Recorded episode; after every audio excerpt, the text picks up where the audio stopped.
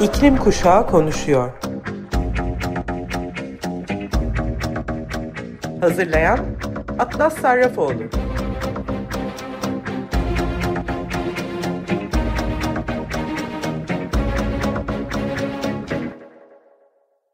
Hepinize merhaba sayın Açık Radyo dinleyicileri. Ben Atlas Sarrafoğlu. Açık Radyo'da her hafta Cuma günü saat 14'te yayınlanan İklim Kuşağı Konuşuyor programını dinliyorsunuz. Bu hafta size Ebru Baybara Demir ile gerçekleştirdiğim sohbetle birlikte olacağız. Ebru Hanım Mardinli bir ailenin çocuğu. Marmara Üniversitesi Turizm Rehberlik bölümünden mezun olmuş. 25 yaşındayken yılın girişimci iş kadını seçilmiş. Gıda israfını önlemek ve kadın iş gücünü desteklemek adına farklı projeleri var. Ben size Ebru Hanım'ın kim olduğunu anlatmak yerine en iyisi bunu kendinden dinleyelim. Öncelikle merhabalar, hoş geldiniz. Dinleyicilerimize biraz kendinizden bahsedebilir misiniz? Ee, Ebru Baybara Demir, e, şefim aslında e, ve sosyal girişimciyim. Mardin'de yaşıyorum. E, Birçok e, tarım ve gıda üzerine çalışıyorum. Sadece yemek yapmıyorum. Aslında bir sosyal gastronomi şefiyim. E, Türkiye'de yeni bir kavram sosyal gastronomi şefi. Benim ya, e, şöyle açıklayabilirim size. E, bir sosyal gastronomi şefi sadece yemek yapmıyor. Yaptığı yemeğin toplumsal faydaya dönüşmesini sağlıyor. 2017 ve 2018 yılında iki kere dünyada bu alanda çalışan sosyal gastronomi şefleri arasında dünyanın ilk onuna girdim iki kere. Ee, ve onun üzerine çalışıyoruz. Biz şefler sadece yemek yapmıyoruz. Yaptığımız şeyin yanına mutlaka yemek yaparken mutlaka artık e, gıda kaynaklarının tükendiği, iklim değişikliğine bağlı olarak gıda kaynaklarının tükendiği, e, yaşam kaynaklarımızın tükendiği bir dünyada sadece yemekte değil, yemeğin yanında neler yapabildiğimizi yapma, yürütmek zorundayız. E, ben de Mardin'de yaşıyorum. Birçok sosyal projeler yürütüyoruz. İstihdam ve kırsal kalkınma odaklı ama ön plana geçen de işlerimiz arasında e, gıda ve tarım tasarım var. Çok güzel efendim. Yani e, aslında bu e, gıda atıkları ve daha birçok şey çok büyük bir sorun. Gıda israfı çok büyük boyutlarda sorun oluşturuyor. E, yaptıklarınız için yaptıklarınız benim çok dikkatimi çekiyor. Tekrar çok teşekkür ediyorum. Ve e, benim bu durumda soracağım şey şu aslında size de mikrofona bırakacağım bu sorudan sonra çünkü çok uzun bir konu. Pazarlardan çöpe giden atıkların toplanması ile ilgili e, girişiminiz benim e, çok ilgimi çekti. Çünkü gıda dediğimiz e, dediğimiz gibi çok önemli bir konu günümüzde ve aslında bir süre e, bir süredir e, bir sürü gıda dönüşümü ile ilgili e, projeniz var. Neler yapıyorsunuz? Nasıl başladığınızın hikayesini merak ediyorum ben. E, anlatabilir misiniz? E, Aslında, Siz dinliyoruz. Tabii. E, aslında bütün hikaye e, 2012 yılında kızımın geçirdiği bir rahatsızlıktan dolayı bir beyin tümörü ameliyatı geçirdi. E, ondan sonraki doktoruyla olan aramızdaki diyalog aslında benim kafamda yeni bir proje şey açtı. E, bana yeni bir kapı açtı. Yapmam gereken yeni bir kapı açtı. E, benim doktorum e, doktorumuz şey demişti bana. E, ben çok isyan ettim tabii anne bir anne olarak neden benim çocuğum bu duruma geldi diye. Doktorun söylediği bir şey vardı. Ben bilsem Nobel alırım ama bildiğim bir tek şey var demişti. Yediğimiz içtiğimiz artık sağ, yani sağlıklı gıda değil diye. Ben de e, hani Türkiye'nin en iyi coğrafyalarından bir tanesinin en temiz coğrafyalarında Mardin'de yaşıyorum. Yani ben çocuklarımın hani yemeklerine çok dikkat ediyorum. Onlara paketli e, gıda, dondurulmuş gıda ya da asitli içecekler içirmiyorum. Onların bütün gıdalarına dikkat ediyorum dediğim zaman doktorum şey demişti. Bu iş bu basit değil demişti. İşte ben buradan itibaren e, bu iş neden bu kadar basit değilmiş diye araştırmaya başladım. Aslında orada daha çok e, karşılaştığım şeyler beni çok şey yaptı, çok etkiledi. E, çünkü her gün ben Mardin'de yaşıyorum ve tarımın başladığı topraklarda ve 3,5 milyon dönüm araziye açılıyor benim evimin balkonu. Ve ben her gün o araziyi görüyorum, Mezopotamya Ovası'nı. Ve orada yapılan tarımın ne kadar yanlış olduğunu aslında bu doktorun uyarısı üzerine ben çalışmaya başladım. E, sağlıklı gıda yolları, ara, ulaşmanın yollarını aramakla başladım öncelikle. E, Mezopotamya'nın en eski biliyorsunuz tarım bizim topraklarımıza başlıyor ve buğdayla başlıyor. Ben de buradan başlamak istedim ve Mezopotamya'nın hala yetiştirilen en eski buğdaylarını buldum. Bunlardan 5 çeşit, 11 çeşitmiş aslında ve ben bunun 5 tanesine rastladım. E, ve bunlardan en kalite, en iyi olanı sorgül buğdayı dedikleri o %17,5 protein içeren çok özel bir buğdaya rastladık. Bizim amacımız sağlıklı gıdaya ulaşmaktı aslında ama sonrasında gördük ki bir tek projeyle birçok sorunu çözebileceğimizi gördük. Bu bir Birleşmiş Milletler projesi olarak başladı. Birleşmiş Milletler'in fonlarıyla birlikte Suriyeli mültecileri de içine alan bir kadın ve istihdam projesi haline geldi. Bu, bu size bahsettiğim tohumlardan ben iki ton buldum. Bölgede. Ondan sonra bunu 100 dönüm arazi üzerine, 102 dönüm arazi üzerine ektik. E, fakat bizim amacımız şuydu, 70 tane kadın çiftçiye aslında iyi tarım uygulamaları eğitimi vermekti ve bu tohumu öyle yetiştirmekti. Fakat e, şunu gördük, biz tarımı çok iyi bilen bir ülkeyiz ama ülkemizde %97 endüstriyel yani konvansiyonel tarım yapılıyor. Ve buna ilgili de ilaçlarımız farklı, gübremiz farklı, hepsi kimyasal içerikli. Kısa vadede ürün almayı hedefleyen, toprağı ve doğanın sağlığını düşünmeyen ee, bir tarımla uğraşıyoruz. Dolayısıyla biz geleneklerimizi unutmuşuz. Eski tarım bilgimizi unutmuşuz. Buradaki avantajımız şu oldu. Suriyeli e, kadınlar bu işin çocukluğundan beri bu işle uğraştıkları için aslında bizim unuttuğumuz bilgilerimizi bize tazelediler. Biz iki dönüm arazi, 102 dönüm arazide 2 ton buğdayı onların bilgileriyle 120 dönüm yaptı. Şey, 20 e, ton yaptık. Aslında bu proje geliştikçe sadece biz sağlıklı gıdaya ulaştığımızı, ulaşmamızın dışında birçok sorunun bu projede çözüldüğünü gördük. Öncelikle e, mülteci entegrasyonunun ne kadar önemli olduğunu bu projede gördük. Çünkü bize kadınlar e, hani kimsenin duymak istemediği işte Suriyeli mülteciler gitsin noktasındaki e, bizim yüz yüze geldiğimiz Mardin özelinde 100 bin Suriyeli mülteciyle ne yapabiliriz dediğimiz noktada onları geri gönderme gönderme gibi bir şeyimizin e, olması mümkün mümkün değil ama o insanların hani doğru konumlandırıldıklarını, ne iş yapabileceklerini ve bize nasıl katkı sağlayacaklarını göstermek açısından önemli bir proje yürüttüğümüzü gördük. Onların tarım bilgileri bize yol göstermişti. Sağlıklı gıdaya ulaşmak ve genetik mirasımız buğdayları koruma noktasında başka bir çözüm üretmişti. Ee, toprağı temizlemek, kimyasaldan temizlemek ve daha fazla verim ürün elde etmek ve en doğru yollarla, en temiz yollarla toprağı ve doğayı sağlığını gözeterek nasıl ürün üreteceğimizi öğrendik bir kez daha. Daha önemlisi bu tohumlar susuz yetişiyordu. Çünkü sulama yapmaya ihtiyaç duymuyordu. Normal bir konvansiyonel tarım çift, çift, çiftçisi e, buğdayda 11 ve 12 sulama yaparken biz sadece 2 veya 3 sulamayla e, bir ürün alabildiğimizi gördük. Yani dolayısıyla her tarafından çok önemli bir proje bu. Biz 6 yıldır bu işin içerisindeyiz ve 6 bin dönüm arazi şu anda 6200 dönüm arazi sadece bu buğdayı çoğaltmak için çalışıyoruz.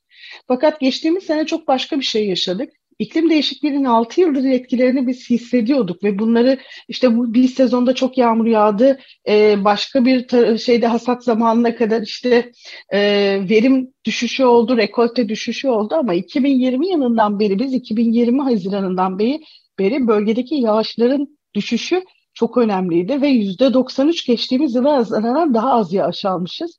Ve bu bize şöyle yansıdı.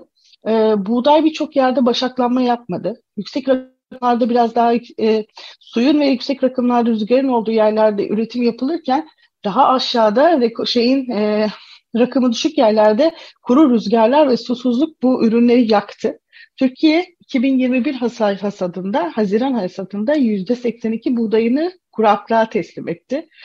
%72 arpayı teslim etti.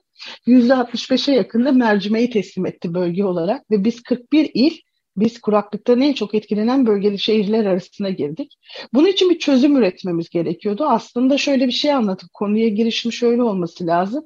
Tarımsal kuraklık şöyle bir şey şekilde karşımıza çıkıyor. Meteorolojik kuraklık son 30 yılın yağış ortalamasına göre bir ortalama alınıyor ve yağan yağışın ölçülmesi yapılıyor ve biz dediğim gibi az önce söylediğim gibi bir yıl öncesine göre %93 daha az yağış alarak yılın son yılların en en fazla kuraklığı en etkili kuraklığını yaşamışız.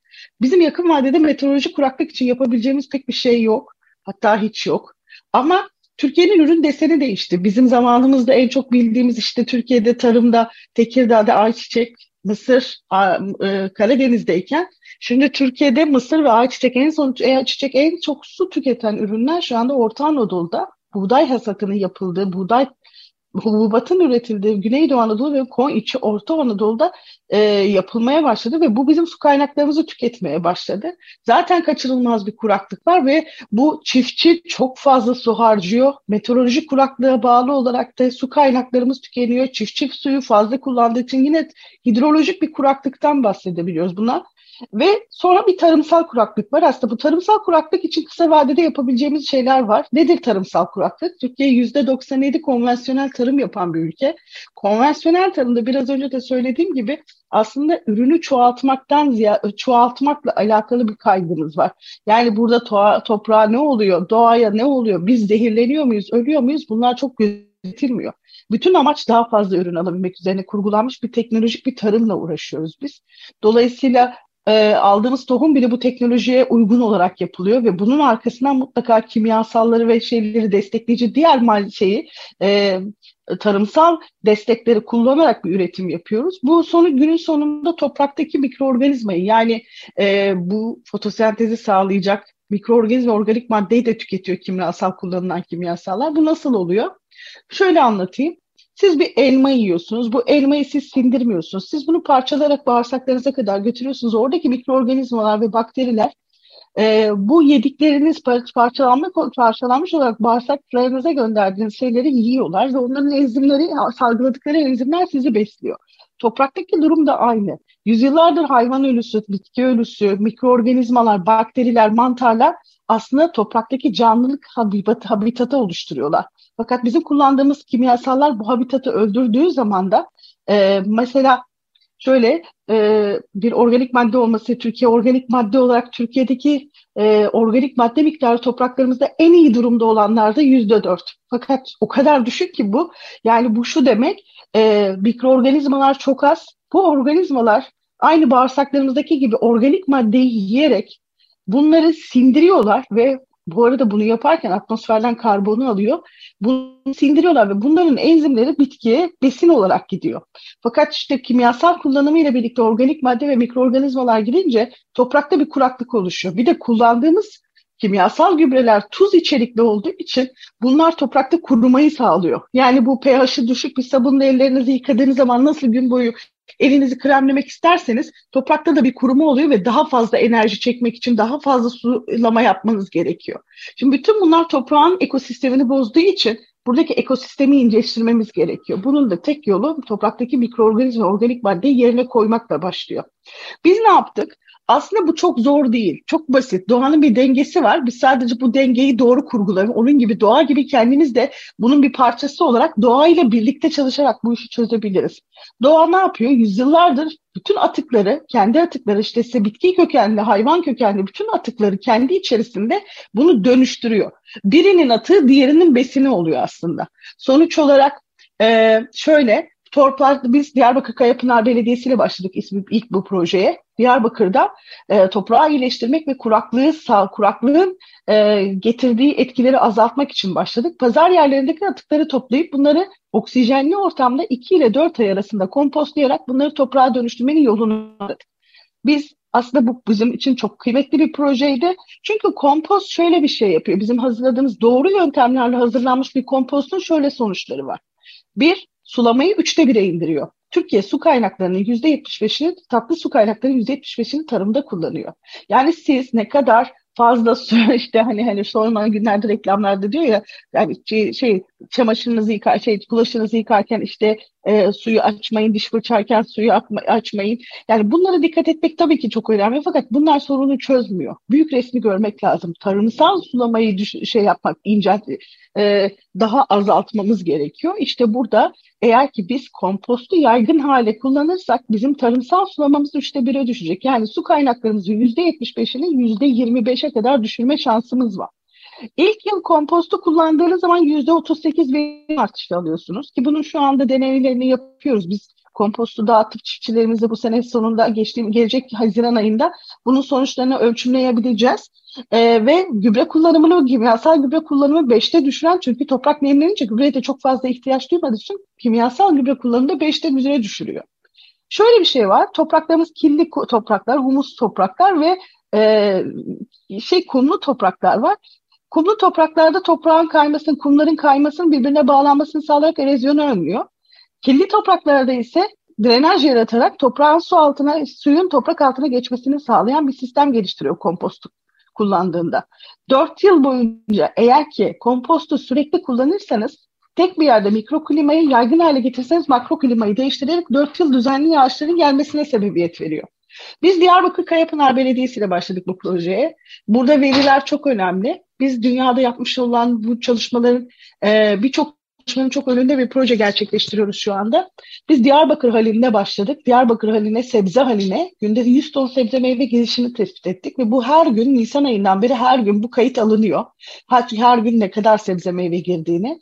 Diyarbakır merkezde 8 tane ilçesi, normal 18 ilçe var ama merkez ilçesini besleyen hale halden 8 tane semt pazarı kurulduğunu, biz iki tane de sebze meyve e, manavlar ve marketler olarak düşündüğümüz zaman buraya da iki tane e, marketlerin de girdiği zaman buraya da e, şöyle söyleyeyim 10 e, tane pazar olduğunu düşünüyoruz Diyarbakır'da ve bizim normalde bir pazarda aldığımız atık miktarı günlük 3 ton.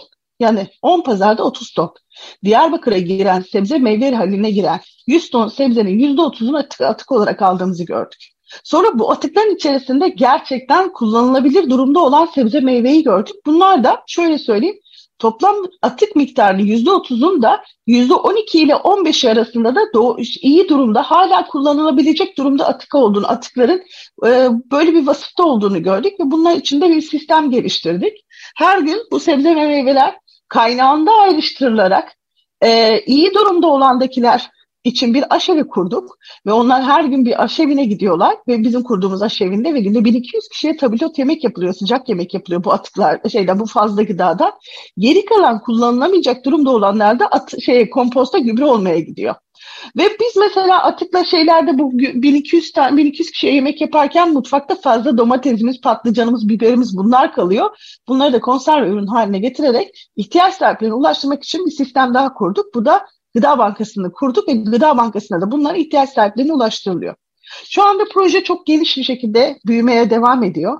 Adana'da bir proje yapıyoruz. Adana'daki projemizde hatta şöyle bir şey geliştirdik. Adana'da e, Seyhan ve Ceyhan Nehri şehir merkezinden geçen iki tane çok önemli nehir ve bizim orada şöyle bir sıkıntımız varmış.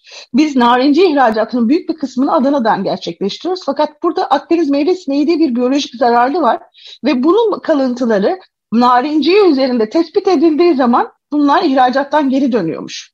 Peki bunların kaynağı ne? Bunların kaynağı da her e, sebze meyve, her bir çiftçinin Seyhan ve Ceyhan Nehri'nin sulu, sulu tarafına sulu, su, su, e, sulu tarafına bu atıklarını atmasıyla birlikte burada bataklıkların oluşması ve buradaki bu sineğin popülasyonu artırmasıyla alakalıymış. Şu anda 6 tane belediyemizle çalışıyoruz. Buradaki aslında toprak iyileştirmenin bir adım önüne geçerek bu zararlı e, bu atıkların toplanarak Akdeniz meyve sineğiyle biyolojik mücadeleyi ilaçsız olarak gerçekleştirmeye başladık.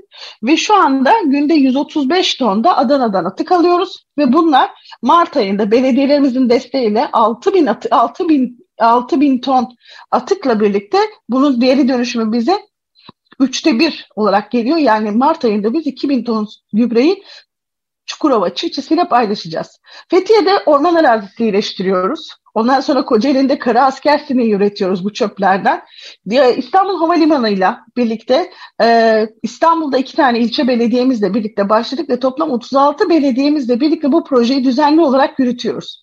Proje tamamen gönüllülük üzerine yürüyor. 2200'e yakın e, gönüllümüz oldu. 6 profesör hocamız, akademisyen hocamız projemize danışmanlık yapıyor ve e, Bizi en heyecanlandıran kısmı da henüz 60 tane, 60'lı yakın 60'tan fazla belediyenin de bu işe gönüllü olmasıyla birlikte biz bu projeyi daha da yukarı çekeceğimizi düşünüyoruz. Son olarak şöyle söyleyeyim. Peki yaptığınız işin fayda değeri nedir diye düşün sorarsanız, bütün bunların yanı sıra e, Türkiye'nin nüfusunu karşılayan İstanbul, Ankara ve İzmir aslında Türkiye'nin %27 nüfusunu oluşturan bir şehirler ve en kalabalık şehirler.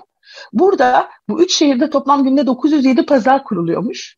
Ve burada toplanan atıklarla birlikte bu atıkların geri dönüşümü bize yıllık 2,5 milyon ton gübre olarak yani pardon kompost olarak dönüyor. Bu ne demek? Türkiye 2019 yılında biliyorsunuz biz gübremizi tamamen yurt dışından ithal ediyoruz. Ee, ve biz 2019 yılında 6,5 milyon ton gübre ithal etmişiz ve sadece biz İstanbul, Ankara ve İzmir'de pazar atıklarını toplayarak biz bunun zaten üçte birini komposttan elde edebiliyoruz. Bu kadar önemli bir proje e, ve dolayısıyla da hani gıda israfını anlayabiliyorum. Aslında önemli olan gıdayı israf etmemek ama bizim işimiz israf edilen gıdanın nereye gider, nereye dönüştürülmesi noktasında başlıyor. E, planlama yapmak lazım, daha az tüketmek lazım, kontrollü tüketmek lazım çünkü artık bu sebze ve meyve üretecek ne suyumuz var yeterli suyumuz var ne de bunu yapacak iklim koşulları var. Artık bunları çok e, enerjimiz var ve iklim koşullarımızı artık paranız olsa bile üretemeyeceğiniz duruma getirebilecek getirebilir şey yani bu konuyu üretimin yapılamayacağı durumlar söz konusu. Dolayısıyla az az tüket az e, kontrollü tüketmek ve sadece e, gıda israfından değil, gıda israf olmuş gıdayı da neye dönüştüreceğimizi bilmek zorundayız. Efendim yaptığınız projeler gerçekten inanılmaz. Çok verimli ve hani kullandığınız e, yemekler olsun, kullandığınız e, her şeyi hiçbir şekilde atık olarak bırakmadan yeniden dönüştürüp bir şey elde ediyorsunuz. Gerçekten çok heyecan verici. Evet. E, ve hani bizim de yaptığımız tabii ki hatalar doğrusunu bilip de uygulamamak hani bu e, sizin alanınızda tarımı doğru yapmak, sulamayı doğru yapmak anlamında. Hani iklim alanında Hı-hı. da aslında biraz da fosil yakıtı kullanmamak anlamında. E, insanlık olarak biz bunu genel olarak yapıyoruz maalesef ki ve e, sizin de söylediğiniz gibi toprağı öldürüyoruz. İnsanlık için önemli olan şey hükümetler yani para ve e, ortaya çıkacak ürünler olduğundan dolayı biz e, kimyasalları e, umursamazken e, umursamazken ve bunları kullanırken toprağı toprağı öldürüyoruz fark etmeden aslında belki evet. de fark ederek.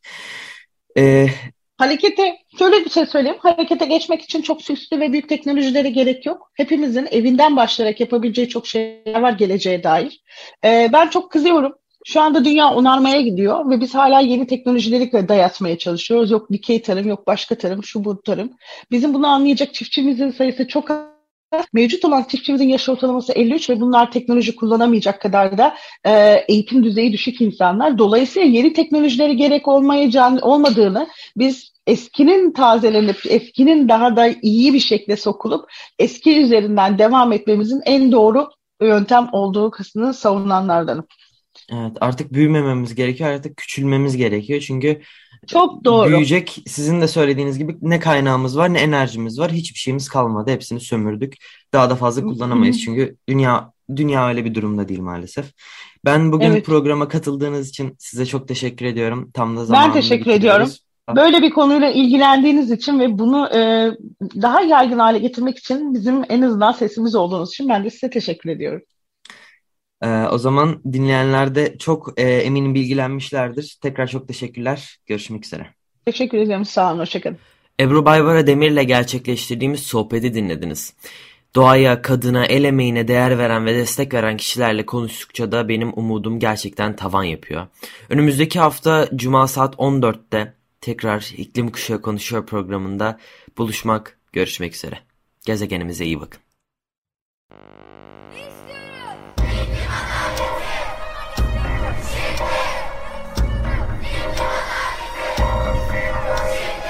İklim Kuşağı konuşuyor. Hazırlayan Atlas Sarrafoğlu.